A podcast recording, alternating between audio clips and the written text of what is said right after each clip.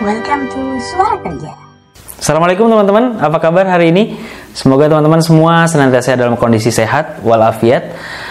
Kembali lagi bertemu dengan saya Mahfud dalam Suara Kerja. Dalam video sebelumnya, saya sudah membahas beberapa hal ya berkaitan dengan lulusan baru yang hendak melamar pekerjaan. Mulai dari mungkin bagi teman-teman yang merasa kebingungan setelah lulus kuliah, Habis lulus enaknya ngapain ya? Nah, saya sudah bahas juga mengenai hal tersebut. Kemudian ada video juga mengenai teman-teman yang masih bingung gimana sih caranya mencari informasi lowongan kerja. Silahkan teman-teman juga bisa lihat di video sebelumnya. Kemudian ada video saya yang terakhir kemarin yaitu video tentang bagaimana cara membuat CV yang menarik. Ketika teman-teman hendak melamar pekerjaan, tentunya akan ada proses-proses seleksi yang akan teman-teman ikutin. Dalam proses seleksi tentunya ada beberapa tahapan-tahapan yang akan teman-teman lalui. Dan tahapan pertama dalam proses seleksi adalah screening, yang di mana dalam proses screening yang akan sangat menentukan adalah CV yang teman-teman buat. Tahap selanjutnya setelah proses screening adalah tahapan interview atau psikotes. Meskipun di beberapa perusahaan ada yang interview dulu baru psikotes, ada juga yang sebaliknya, ada yang psikotes dulu baru interview. Karena memang tidak ada aturan baku mana yang lebih dulu. Cuman idealnya kalau menurut saya yang pertama kali harus dilakukan adalah psikotes karena hasil psikotes juga akan menjadi salah satu bahan atau menjadi dasar dalam proses interview. Karena dalam proses interview salah satu hal yang harus dilakukan adalah melakukan klarifikasi terkait hasil-hasil tes psikologi yang telah dilakukan oleh si kandidat. Oleh karena itu dalam sesi kali ini saya akan sharing kepada teman-teman mengenai psikotes. Gimana sih caranya biar teman-teman bisa lolos psikotes? Sebelum nanti saya paparkan beberapa contoh-contoh soal psikotes yang cukup sering digunakan oleh perusahaan-perusahaan dalam proses seleksi, teman-teman juga perlu tahu apa sih kegunaan psikotes ini. Jadi psikotes ini secara garis besar itu memiliki dua tujuan teman-teman. Tujuan pertama yaitu tujuan untuk mengenali kemampuan kognitif kandidat dan yang kedua adalah kemampuan afektif dari kandidat.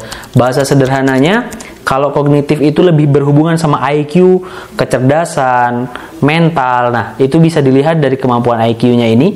Kemudian kalau bicara afektif itu biasanya berhubungan sama emotional question atau mungkin kepribadian teman-teman. Nah, jadi secara garis besar tujuan psikotes ada dua, untuk mengetahui intelijensi dan yang kedua untuk mengetahui kepribadian yang dimiliki oleh kandidat. Jika kita bicara mengenai bentuk tes intelijensi dalam pelaksanaan psikotes itu bentuknya sangat banyak teman-teman. Dan biasanya dalam proses seleksi perusahaan itu tidak akan menggunakan semua jenis tes tersebut. Jadi hanya beberapa tes yang digunakan oleh perusahaan. Contoh tes intelijensi pertama yang biasanya sering digunakan dalam perusahaan itu adalah tes kemampuan logika. Jadi dalam tes kemampuan logika pun ternyata banyak lagi cabang-cabangnya.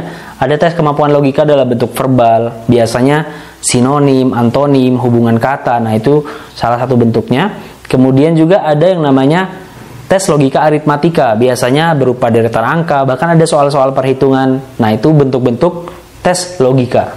Bentuk tes intelijensi lainnya adalah tes kemampuan spasial, biasanya dalam bentuk gambar-gambar. Mungkin teman-teman yang sudah pernah psikotes pernah merasakan ya, ada beberapa bentuk soal yang pola-pola berupa gambar. Nah, nanti sebenarnya untuk lebih mudahnya saya akan coba tampilkan contoh-contohnya biar lebih spesifik dan lebih clear penjelasannya. Bentuk tes intelijensia lainnya biasanya yang sering digunakan oleh perusahaan adalah tes yang bertujuan untuk mengukur ketahanan mental kandidat. Dan biasanya bentuknya mungkin teman-teman sudah familiar semacam Kraepelin, Pauli. Nah, itu semua tujuannya untuk melihat mental dan ketahanan kerja teman-teman ketika bekerja nanti. Bentuk tes intelijensia lainnya, mungkin kalau teman-teman pernah melamar PNS atau melamar untuk menjadi ASN, di situ ada namanya tes wawasan kebangsaan. Itu juga merupakan salah satu bentuk dari tes intelijensia. Sedangkan bentuk-bentuk tes untuk mengukur kemampuan EQ kandidat atau kepribadian kandidat itu biasanya menggunakan Mungkin yang old school ada yang MBTI, mungkin pernah teman-teman ngelakuin tes ini. Kemudian ada DISC, kemudian juga ada tes warteg, ada juga tes papikostik, ada juga tes baum, ada juga tes Droman dan cukup banyak tes-tes kepribadian lain yang biasanya digunakan oleh tiap perusahaan. Kurang lebih seperti itu bentuk-bentuk tes dalam psikotes. Kabar baiknya psikotes ini bisa dipelajari teman-teman. Jadi kalau teman-teman sebelumnya sudah pernah psikotes, kemudian teman-teman nggak lulus, nggak usah minder, karena psikotes ini bisa dipelajari kok. Nah, pertanyaannya sekarang, gimana caranya biar kita bisa lolos psikotes dengan sangat mudah? Simple, teman-teman. Cara pertama adalah teman-teman harus tahu bagaimana cara mengerjakan soal tersebut. Nah, bagi teman-teman yang mungkin baru lulus kuliah atau mungkin baru pertama kali akan psikotes, teman-teman saran saya adalah coba kepo-kepoin di internet bentuk-bentuk soal psikotes ini. Ada beberapa situs yang mungkin teman-teman bisa kunjungi bisa proprofs.com, kemudian juga bisa latihanpsikotes.com, bisa juga psikotesu.com, bisa juga tipscv.com, bisa juga gigkarir.com, dan masih banyak situs-situs lain yang mungkin teman-teman bisa kunjungi. Jadi tujuannya adalah biar teman-teman terbiasa dan tahu oh, bentuk-bentuk psikotes itu seperti ini. Jadi jangan sampai teman-teman ketika psikotes on the spot teman-teman kaget. Oh, bentuk psikotes itu seperti itu ya. Nah, jangan sampai teman-teman seperti ini. Jadi, teman-teman harus setidaknya mengenali atau tahu dan familiar dengan beberapa jenis tes.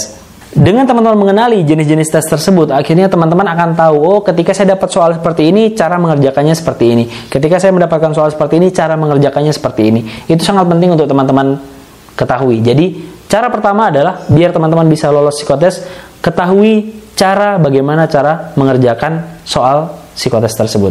Cara kedua agar teman-teman bisa lolos proses psikotes adalah teman-teman harus bisa memanage waktu dalam proses pengerjaannya. Tips paling sederhana dalam memanage waktu dalam pengerjaan tes ini adalah kerjakan yang mudah dulu. Jadi meskipun urutannya misal 1 sampai 30 soal, kerjakan yang misal nomor satu susah, kerjakan nomor 2. Misal soal nomor 2 juga susah, kerjakan nomor 3. Jika ternyata 5 soal pertama susah semua, kerjakan langsung nomor 6. Jadi tidak perlu mengerjakannya secara berurutan. Jadi kerjakan yang mudah dulu. Tips ini sangat sederhana namun efeknya sangat luar biasa teman-teman. Karena kenapa? Karena hampir mayoritas bentuk psikotes itu ada batas waktunya. Jadi, selain teman-teman mengerjakan soal tersebut menggunakan IQ yang teman-teman miliki, juga akan berkejaran dengan waktu yang sangat terbatas. Oleh karena itu, cara kedua agar teman-teman bisa lolos dalam proses psikotes ini adalah memanajemen waktu pengerjaan psikotes teman-teman. Cara ketiga agar teman-teman bisa lolos proses psikotes adalah be yourself.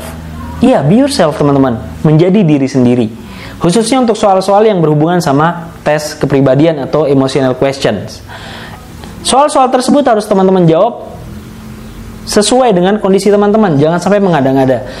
Karena alat-alat tes kepribadian ini dapat mengidentifikasi teman-teman ketika jawaban-jawaban dari teman-teman itu tidak konsisten. Tidak konsisten menunjukkan bahwasanya teman-teman menjawabnya ragu-ragu. Ragu-ragu berarti mengindikasikan teman-teman menjawab tidak sesuai dengan real kondisi yang ada. Dan masih banyak cara-cara lain tergantung dari jenis soal yang akan teman-teman dapati. Namun secara garis besar, tiga cara ini adalah cara kunci agar teman-teman bisa lolos psikotes dengan sangat mudah. Kurang lebih itu yang ingin saya sharingkan dalam video kali ini. Saya berharap dan berdoa ketika teman-teman psikotes nanti, teman-teman bisa lancar dalam proses pelaksanaannya.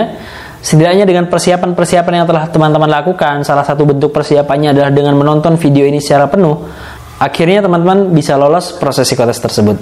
Salam sukses dari saya. Assalamualaikum warahmatullahi wabarakatuh.